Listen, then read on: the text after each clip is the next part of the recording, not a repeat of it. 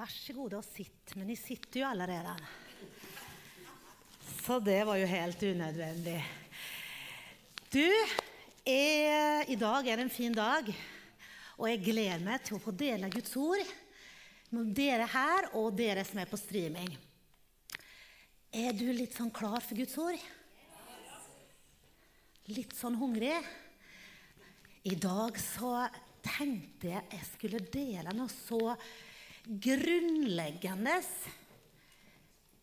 Veldig grunnleggende menneskelig følelse. Og det å være elsket. Være elsket, er ikke det kanskje en av de tingene vi mennesker har mest behov av? Og det har Jesus ordna med. Han har ordna med at du og jeg av han kan bli elsket helt og fullt for den vi er. Så jeg tenkte vi skal snakke om livet i dag. Vi skal snakke livet i to deler. Livet å være elsket for å elske. Vi skal se på det at du er elsket, og så skal vi se på hva det kan gjøre med dine prioriteringer i livet. Og vi skal få mer musikk av de her flotte sangene ja, innimellom. Illustrasjoner Jeg vet ikke hva det er med dere i Betel, men de tre gangene jeg har preka, så har liksom illustrasjoner blitt en del av det jeg har gitt. Og så tenkte jeg den fjerde gangen før dette semesteret er omme Jeg må jo ha en illustrasjon da òg. Det var liksom litt komisk. da. tenkte jeg, Det er litt gøy. Så jeg tok med meg rett og slett litt leker. Så det her kan bli veldig bra. Er du pedagog her, så skjønner du at det her eh, blir bra. Elsket for å elske. Og nå er denne preken slik at hvis du nå føler deg stresset, oppgave Ditt liv har så mange deler at du veit ikke hvilken fot du skal stå på. sant? Så er ikke det her for å legge stein på byrden. Men det er nettopp for å plassere litt ting. Du er elsket, ikke pga. dine prestasjoner. Og vi skal få orden på noen greier i livet. Er du klar? Du, det første jeg tok med meg, det var rett og slett den her. Åh. Åh. Vet du hva? Det, det, er bare noe som vekker i oss. Hun Maria bak der. Jeg kunne jo egentlig illustrert. Kanskje, Kristel, kan du komme litt sånn fram her med Maria? Det blir liksom mer reelt. Vet du hva? Når vi ser Maria, Marie, Marie, så blir vi bare Åh! Vi har lyst til å gi henne det beste. Vi har lyst til å overøse henne med kjærligheten vår. Vi har bare lyst til å Hun skal ha det så godt. Hun skal ikke, hun skal ikke føle på noe eh, ondt, ikke noe svik, ikke noe Hun skal bare ha det godt. Og det vekker en omsorg, det vekker at vi bare har lyst til å gi henne det beste. Hun er mottaker av vår kjærlighet. Og vet du hva? Hun Marie har ikke gjort en ting for å motta kjærligheten fra mor og far fra deg og meg. Hun har ikke gjort noe, hun har ikke prestert, hun har ikke utført. Hun har rett og slett ikke gjort noen ting. Og her er hun og får den kjærligheten. Du og jeg, vi har blitt elsket før du og jeg har gjort noe som helst. Mitt spørsmål hva gjorde du for å, for å få Guds kjærlighet? Hva var det du bidro med? Hva gjorde du for å ta imot Guds kjærlighet? Nettopp. Du tok imot. Du bærte ingenting til bordet. Men så er det så at de her er veldig var for stemning, for atmosfære, for harde ord. Da blir de redd. Og hvis vi avviser, og hun opplever avvisning så kan det være sånn at hun har vanskelig for å ta imot kjærligheten seinere. Du og jeg, vi kan ha opplevd avvisning. Og det gjør at mottakendet av kjærlighet kan være et problem. Men i utgangspunktet så har ikke vi gjort noe som helst. Men vi kan ta imot Guds kjærlighet i våre liv. Se hvor fin og trygg hun er. Tror du hun har fått mye kjærlighet? Det tror jeg. Så nydelig. Takk, Kristel og Marie. Den hensikten med ditt liv det er at du skal være elsket. Hvorfor skal du være elsket? Jo, for din del, men også for å gi den kjærligheten videre. Kjærlighet handler om å motta og gi ut. Ta imot, elsket for å elske. Forelskelse, det har vi opplevd. En nydelig følelse. En nydelig god følelse, og den er altoppslukende. Gud har gjort det slik at alt fokus retter seg imot den personen for å knytte. Så fantastisk har Gud gjort det oss mennesker. Kjærlighet er en drivkraft. Det er noe som driver oss til hverandre. Det er noe som gir ut til barn. Det er noe som bare vil elske. Men først og fremst så har Gud elsket deg og meg før du fortjente noe som helst av Guds kjærlighet. Elsket. Gud viste sin kjærlighet til oss ved å sende sin sønn til verden. Det gjorde han for at vi skulle få liv på grunn av han. I dette er kjærligheten ikke at vi har elsket Gud, men at han har elsket oss. Gud er nemlig kjærlighet. Det er derfor han kan elske oss. Og vi har lært å kjenne den kjærligheten fra Gud. Og vi har trodd på den. Og Gud er kjærlighet, og den som blir i kjærligheten, blir i Gud og Gud i ham. Det å forbli i kjærligheten, ikke avvise kjærligheten, ikke tro at man ikke er elsket, men tro at man er elsket. Og bli i den kjærligheten. Da har han sagt at han blir i oss. Vi kan ikke fortjene oss den. Vi kan bare bli i den, ta imot den. Og hvor lenge varer den kjærligheten? Den varer evig. Han er kjærlighet, og han har elsket oss. Og den evige kjærlighet. Den tar ikke slutt. Ja, med evig kjærlighet har jeg elsket deg. Derfor har jeg latt min nåde og min miskunnhet mot deg være.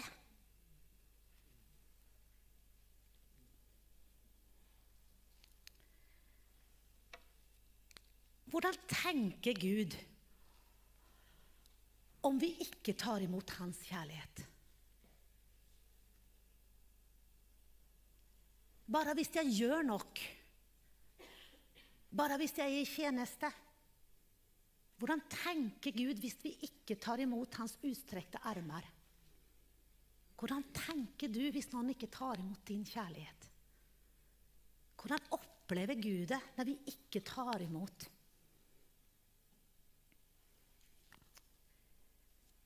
Vi kan bli berørt for vår egen skyld for å berøre andre òg. Når jeg skulle preke her sist, så bestemte jeg meg for å gå til Betel. For jeg tenkte at da kan jeg be. For det bør jeg jo gjøre før jeg skal preke. Og jeg gikk, og jeg veit hvor jeg gikk, og hvor jeg var i en strekning. Og vet du hva? Jeg fysisk opplevde at Gud gjennomdynka meg i hans kjærlighet. Og at jeg ble så overraska. Og at han hadde noe å meddele meg. At jeg var elsket. Og det var så utrolig følelse. Så jeg kom hit, så sa jeg bare til Jeg opplever at Gud er så Han har bare vært over meg. Jeg skulle jo be til ham. Jeg skulle jo forberede mitt hjerte, liksom. Men han forberedte mitt hjerte. Han viste meg at han er glad i meg uansett om jeg skal preke eller prestere eller gjøre noe som helst. Det var utrolig deilig. Og jeg må bare innrømme at det er ikke så ofte jeg har sånne møter. Jeg kan ikke stå her og si at ja, det opplever jeg daglig. Men jeg tror vi kan gjøre det hvis vi lærer oss å gå og sette oss der hos Han og faktisk være ta imot. Det er vanskelig for oss å ta imot. På grunn av kanskje avvisning, mislykkenhet, sårhet så tror vi ikke at vi fortjener det her før vi har gjort det og det og det. Men Gud elsker oss sånn som vi er.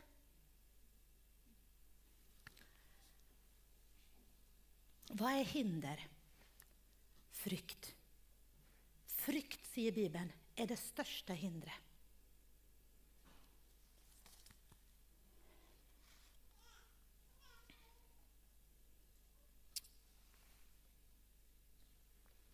I kjærligheten så finnes det ikke frykt.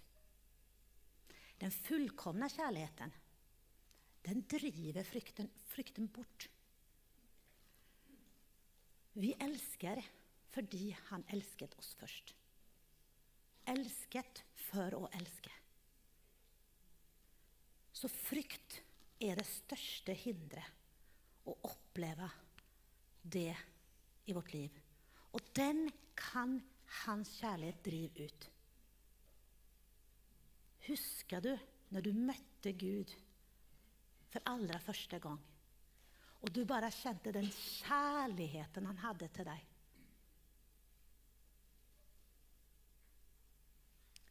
Vi skal ikke glemme ett ta imot deg at du har mista den første kjærligheten. Hvorfor sier den det? Det er jo så innmari tøft. Ett tar jeg imot deg. Vet du hva? Gud vil at vi skal ta imot hans kjærlighet. Han vil at du skal gjennomdynke, at du skal kjenne deg elsket, berørt, før du gjør alle disse andre tingene. I dag legger vi prestasjonen til sides. sant? Nå legger vi prestasjonen til sides.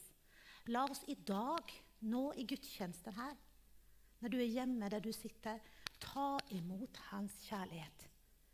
Hensikten med ditt liv er å bli elsket av Gud som har skapt deg.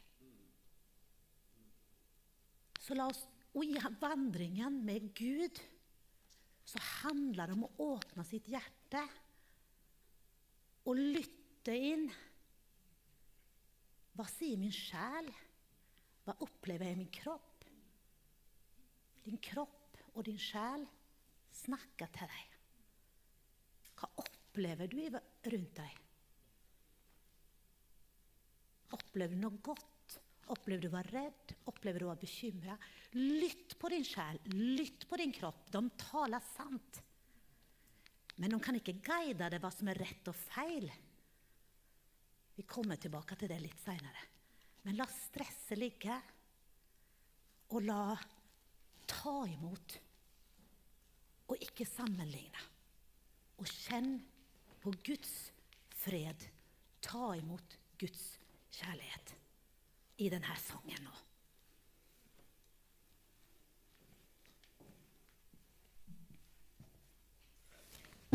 day.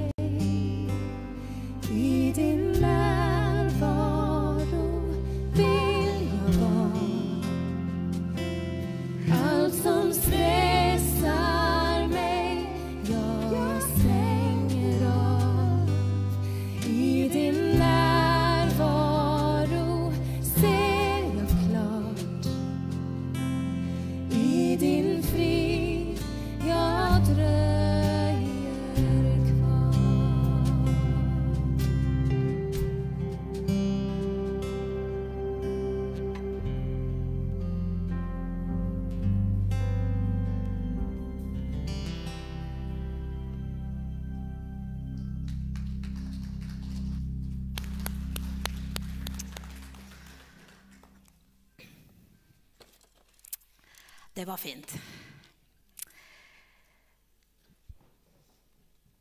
Da skal vi snakke litt om livet.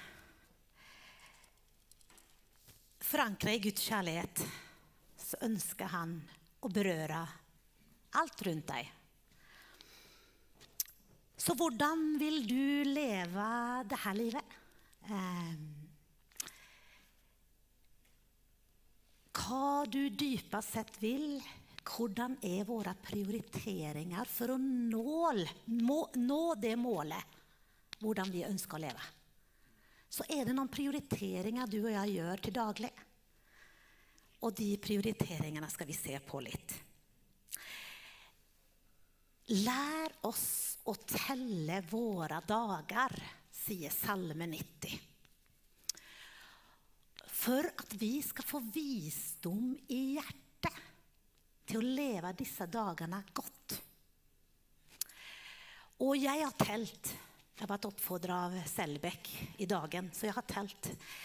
Hvis jeg lever gjennomsnitts eh, dameliv i Norge, 84,9 år, så har jeg levd 20 622 dager.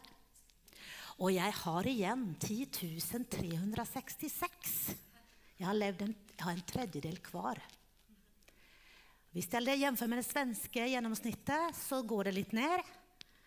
Men hvis jeg ser på slekta mi, vet du, som ble over 90 Mormor over 90, mora mi blir 90 nå i høst. Så har jeg en god del ekstra år og dager å gå på. Og når jeg hørte nyhetene på vei hit, så sa nyhetene i dag at den nyeste forskningen sier at optimisme legger til noen ekstra år. Så hvis jeg legger på det, så er jeg nesten oppe i 100. Vet du hva? Dette blir et langt liv. Men jeg trenger jo visdommen for å leve disse dager. Så livet består av mange deler, og alle de delene roper til oss.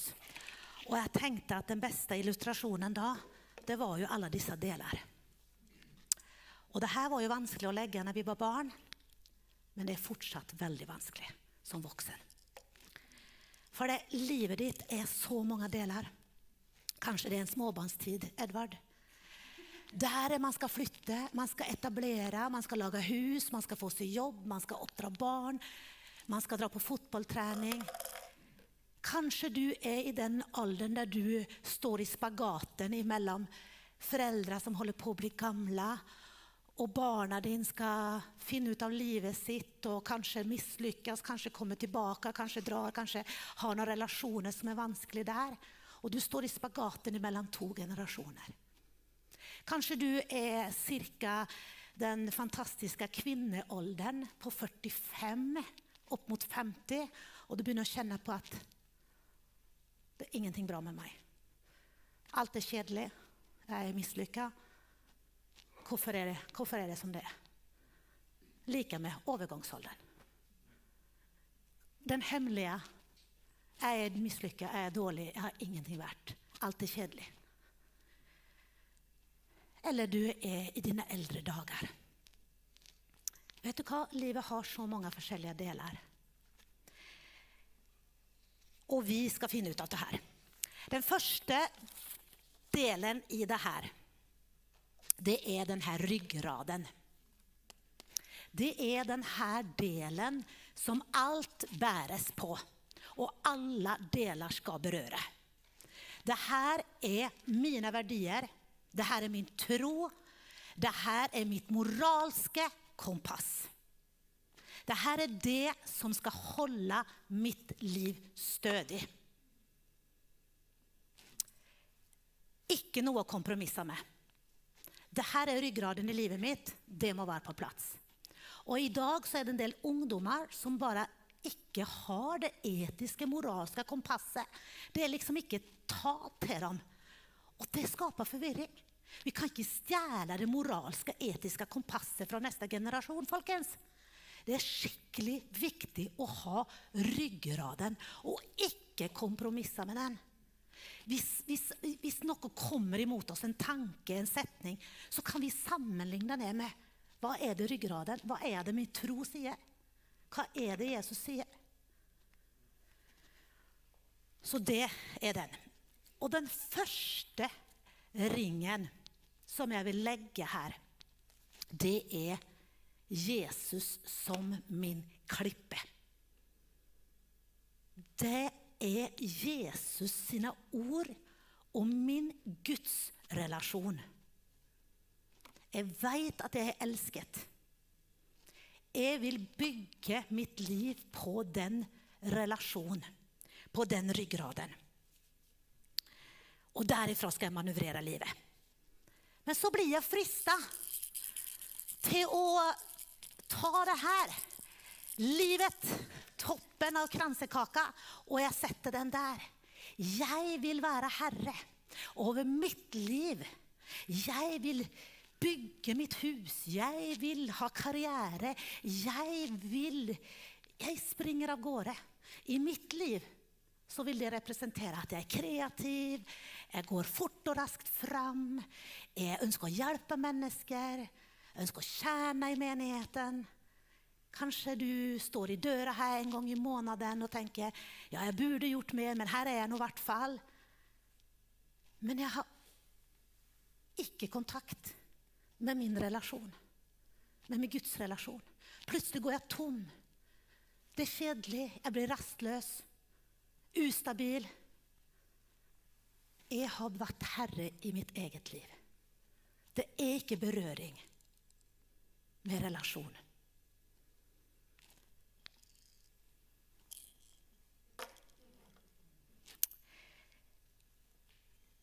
Ring nummer to. Jeg må bare sjekke her nå. Det er mitt selvbilde. Mitt bilde. Har Jesus påvirket mitt bilde? Tør jeg å se på meg selv? All vandring, som jeg sa, betyr at jeg åpner mitt hjerte for Gud og spør hva opplever jeg? Hvorfor opplever jeg det jeg opplever? Jeg kan lære meg å lytte til meg selv for å være den jeg skal være. Med Guds bilde, med Guds relasjon og et bilde av meg selv som påvirker andre. Min gode venn Lotte hun posta forrige uke noe på Instagram. Jeg går i terapi, for den jeg møtte på min vei, ikke gjort det. Wow! Det er jo fryktelig utsagn. Jeg går i terapi for at den vi kan møte andre på vår vei. Og vi går på veien, og vi må sjekke vårt selvbilde. For det påvirker våre prioriteringer og vårt liv. Kjenner du deg selv? Hva hindrer meg da fra å kjenne meg selv? Vi kan gå til Adam og Eva-klassikeren. De begynte å spise feil. Feil inntak. Oppdaga plutselig at de var både tom og naken og uten Gud. Men Gud oppsøkte dem. Hvor er du? Hans kjærlighet var evig. Feil inntak. Gå bort fra relasjonen. Opplever naken, ikke berøring.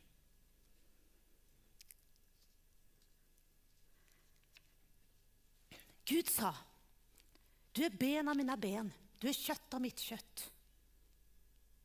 Tenk så nært. Du er mitt bilde. Du er mitt ikon. Du er skapt i mitt bilde.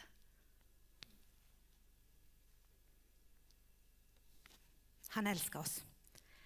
Så la den tørsten og den sulten du kjenner på livet, bli fylt av et relasjon med Han. Et godt måltidsfellesskap med Han. Det andre som hindrer oss, det er ofte denne motsatsen inni oss. Det jeg vil, det gjør jeg ikke. Denne delte følelsen. Den kluvenheten som Bibelen snakker om. Når vi lever et liv i ånden, så skal vi ikke fullføre kjødet. Når vi lever et liv i ånden, når vi lever med relasjon, når vi lever av å bli elsket, elsket for å elske, da kan den kluvenheten stoppes. Men den er der, sier Bibelen. Motsatsen i oss er der.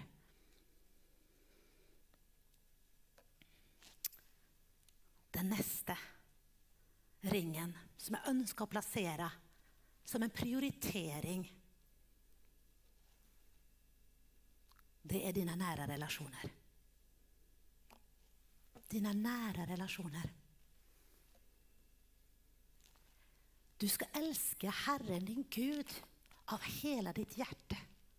Du skal elske din neste. Nei, du skal elske din neste som deg selv. Du skal elske din neste som deg selv.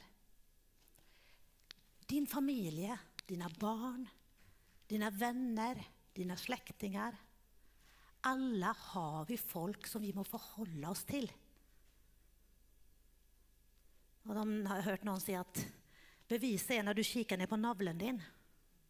Du kommer ifra en plass. Du er ikke her, uten å komme ifra noen. Du har folk rundt deg som du må forholde deg til. Så verden består av relasjoner. Så hvordan ønsker vi å pleie de relasjonene? Hva ønsker vi å gi til de relasjonene? Den relasjonen var så viktig, gudsrelasjonen, for den skapte mitt bilde. Mine barn skal de få del av den relasjonen som var så viktig. Hvem skal få del av det her? Skal jeg gi troens gave videre? Er det viktig for meg?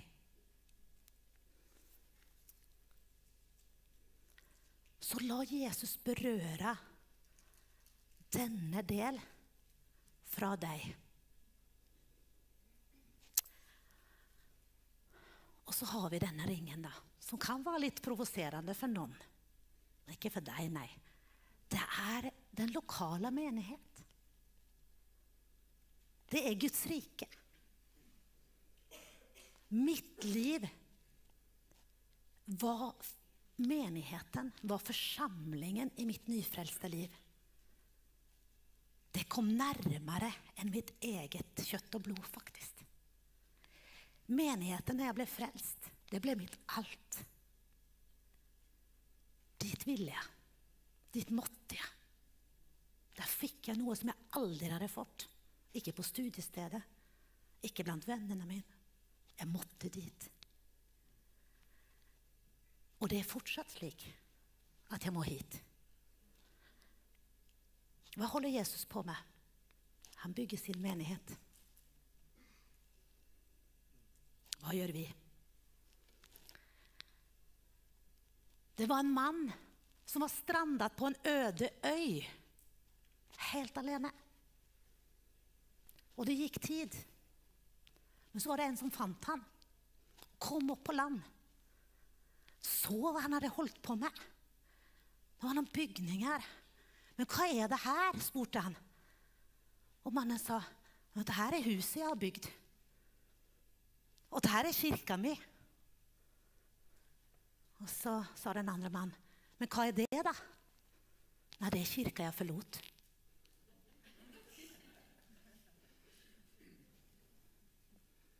Jeg setter utrolig pris på fred i kirka. Jeg setter sånn pris på at det ikke er konflikt. For det må det ha gått galt noen steder på veien.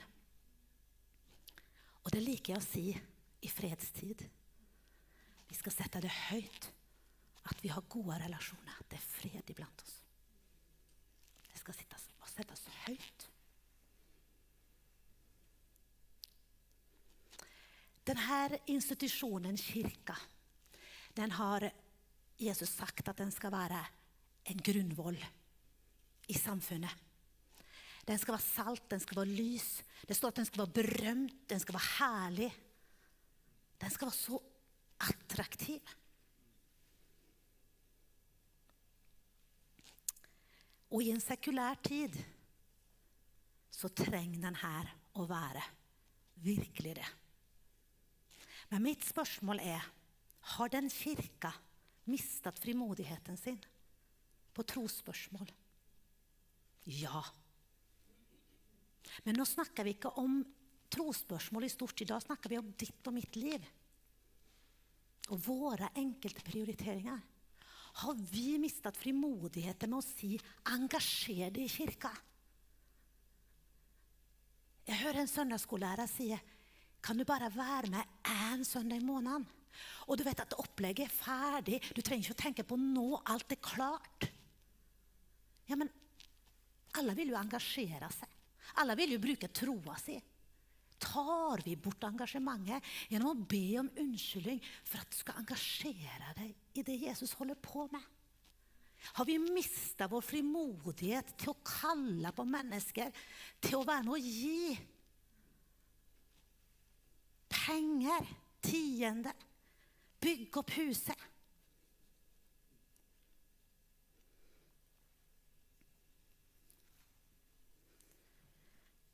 Dine barn har godt av å se at du går i kirka.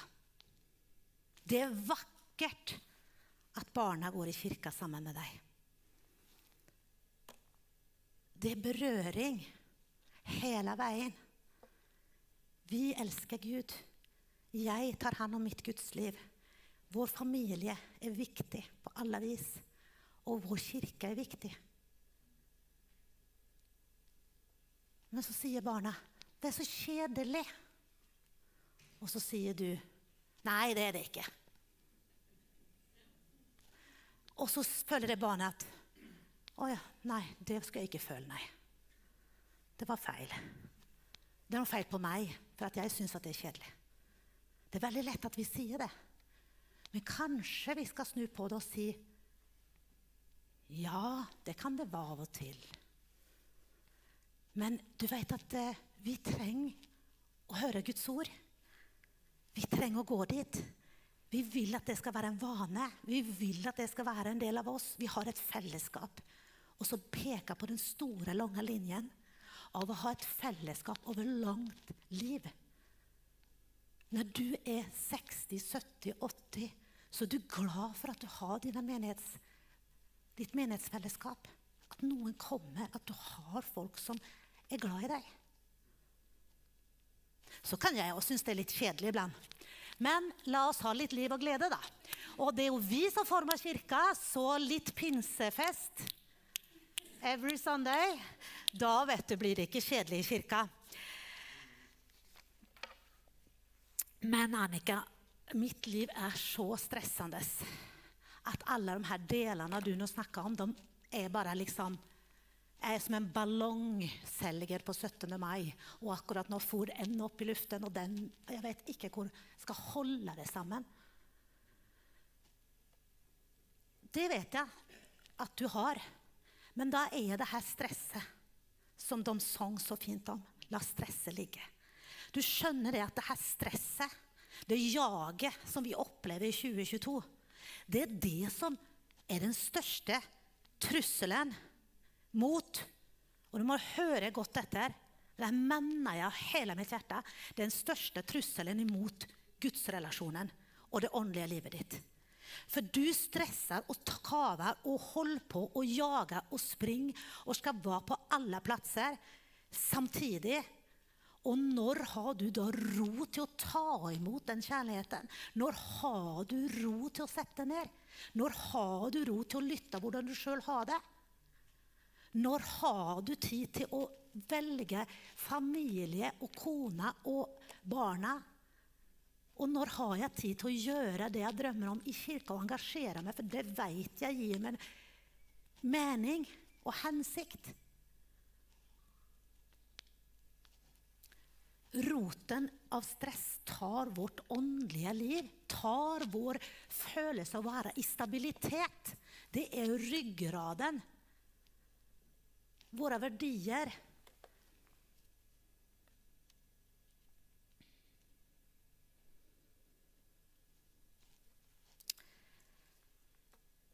Så da tar vi den siste ringen, da. Og det er jo det gode liv. Det er livets krydder. Det her er donaten. Kings donut. Sant? Vi kan få kose oss med livets nytelser. Vi kan Vi bor i fantastisk land. Vi bor i fantastiske hus. Vi har nok penger. Vi har nok fritid. Vi har kulturopplevelser.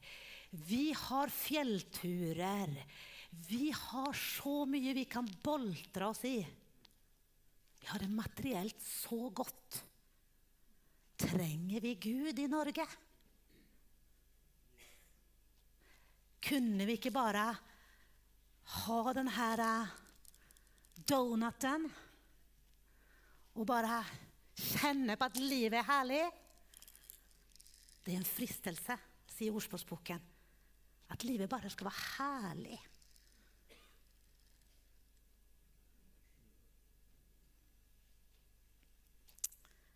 Men med ringene på plass så er det her lov, og det er lov å nyte av livet Gud har skapt. Det er lov å kjenne livet godt.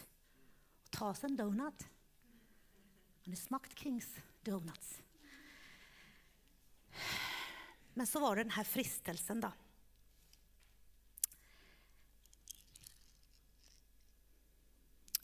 Hvis vi da lever for vår egen nytelse, og det er en feilprioritering Så spørs det om den ytlige livet gir deg mening på dypet. Hvis det er det her at 'Jeg er herre, jeg nyter livet'. Gi det meg dybde. Eller kan det skape en avhengighet? Kan det skape en materialistisk avhengighet? Hva er din avhengighet?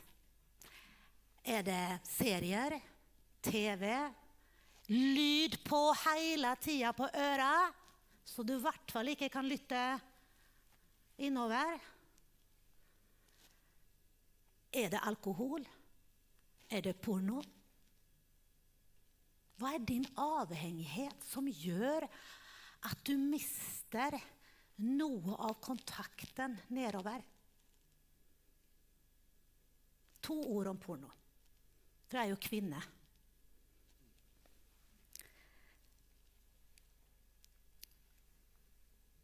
Det har tatt plassen. Det har skapt en avstand. Det er ikke berøring her. Det har skapt en skam. Det har skapt et selvforakt til mitt eget selvbilde. Det er vanskelig å få kontakt, for jeg forakter meg selv. Og Gud, hvordan skal Han kunne hjelpe meg når jeg har gjort det sånn? Gud gav seksualiteten som en gave. Hvordan kan jeg tro at han skal hjelpe meg når jeg har misbrukt det? Når jeg er avhengig av noe som ikke er rett? Men Gud har jo sagt at det er en gave. Vi må få det rette bildet av Gud. Det er en gave for noe mer enn en avhengighet som er ytelig her og nå. Som kvinne kan jeg bare ikke forstå det. Jeg spør Ellen når jeg hører den ene tragiske historien etter den andre. Hvordan er det mulig? Han prøver å forklare det for meg. Men det er noe med å ikke forstå at Gud har skapt det her så underfullt godt. Som en gave. Så blir det kluss i forståelse. og i selvbildet. Og mot kona mi. Og hvordan skal jeg være i kirka? Hele greia blir forstyrra. På grunn av at man ikke ser, dem, ser det på rett måte. Men hvis det her kommer fram i lyset, da, og ikke er nedgravd og møgla i mørket, da er det håp. For da kan Gud vise det rette bildet. Hva han har tenkt med det. Og hva han har tenkt å velsigne deg med.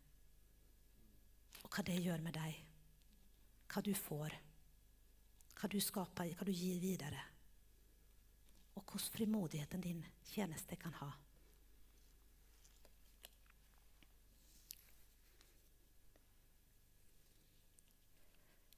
Så dette er et bærekraftig liv som står stødig.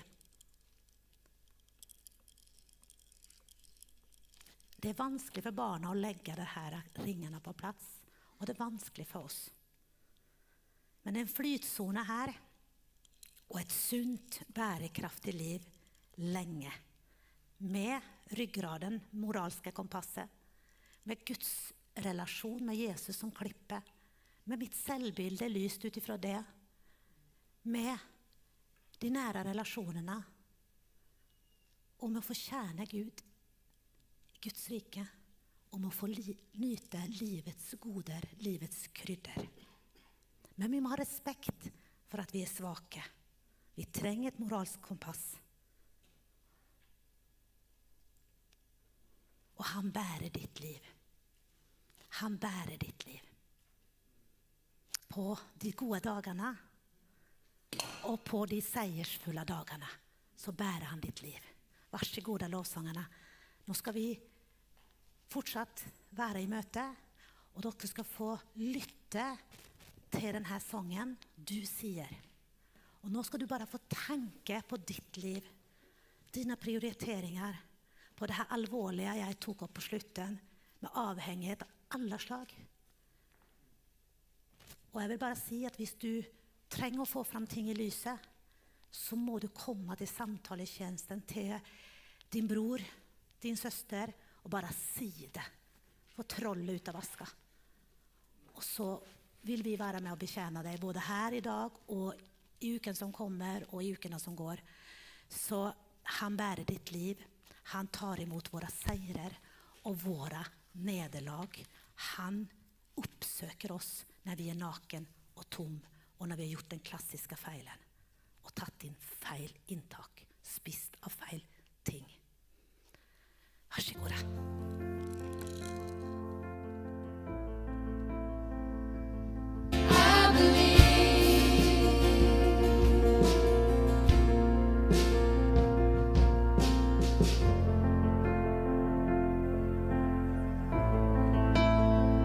Takker Herre Far for din godhet imot hver enkelt av oss. Takk at vi får lov å være dine barn. Takk at vi får lov å være naken og bar innenfor det. Du ser hvert et område i livet vår der vi rota det til, der vi river ned det som du ønsker å bygge opp, og der vi lar andre ting få lov å stå i veien for din godhet imot oss. Ber Herre om at du setter oss fri ifra det som binder oss. At du setter oss fri fra det som bringer skam, bringer fornedrelse, og at du løfter våre liv med din kjærlighet. At du løfter av oss de byrdene som vi bærer på. Du har sagt at vi skal komme til det når vi strever. Og at du vil løfte byrdene av oss. Jeg takker for det, Herre. Helligånd, du kjenner alle ting. Helligånd, kom. Kom med ditt nærvær. Kom over våre prioriteringer. Kom over våre liv. Kom over oss, Herre. Hjelp oss du å skape balanse. Hjelp oss du å, bære, å skape bærekraftige liv. Vi ber om det. Takka deg for det, Herre. Takk at du gjør det til oss. Tenkte på det at Noen ganger så tenker vi at eh, det verste som kunne skjedd, det var at noen avslørte meg. Det verste som kunne skjedd, det er at andre fikk vite. Kvinnen ved Sykarsbrønnen møter Jesus. Hun opplever at hun møter en eh, gudsmann. Hun opplever at hun blir sett, hun opplever at her er berøring. Men hun våger ikke å tro at berøringa gjelder også hennes sine mørkeste sider. Så når Jesus sier til henne Den mannen du har nå, han er ikke din mann. Du har hatt fem før han, og han du har nå, er ikke din mann. Så berører Jesus kanskje det området i hennes sitt liv som var mest skambelagt. Kanskje var det området i hennes sitt liv som gjorde at hun gikk til brønnen midt på dagen når hun var sikker på at det ikke var noen andre der. Når Jesus møter henne, og så sier han til henne Jeg ser dine mørkeste sider. Og allikevel så inviterer jeg deg til å drikke av frelsens kilder. Av å komme og ta del av. Komme og drikke det utørst. Drikke det elska. Drikke det oppreist. Drikke det sterk. Han ser vår fornedrelse. Og så tenker vi at det verste som kunne skje, er at noen avslørte oss, at noen avdekka det, at noen så det. For da blir vi stilt fram i skammen. Vet du nå hva som er det verste som kan skje? Det at du får lov å fortsette i fornedring. Det er det verste som kan skje. Hvis du bærer på avhengigheter og ting som på en måte du slettes ikke er stolt av. Så det beste som kan skje, er at det avsløres. Det er Guds kjærlighet. Avsløre det sånn at vi kan bli fri. Sånn at vi kan settes fri. Sånn at vi kan komme til Han. Guds vrede er ikke at Han avslører. Vet du, Guds vrede det er hvis Han lar oss være i vår fornedrelse. Guds kjærlighet til oss er at han setter lyset på. Og så sier Erlend, vil du bli fri?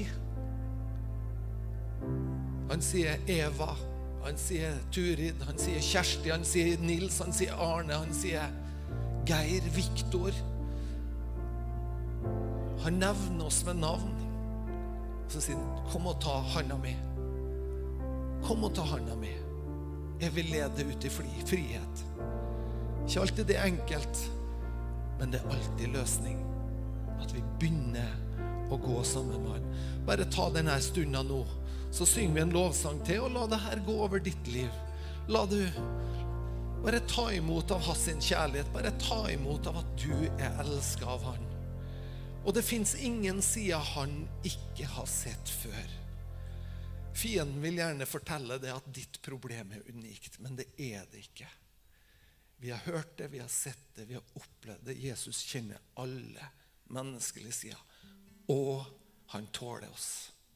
Så la oss bare lovprise han nå, tilbe han. Og så bærer vi det her framfor Gud. Og hvis du vet etterpå at du trenger å snakke med noen, så er du hjertelig velkommen til det.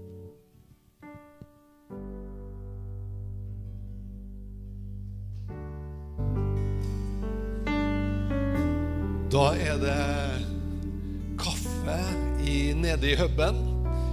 Eh, så du er hjertelig velkommen til å bli med ned dit og bli kjent med noe nye. Ta med deg de her orda. Snakk om dem.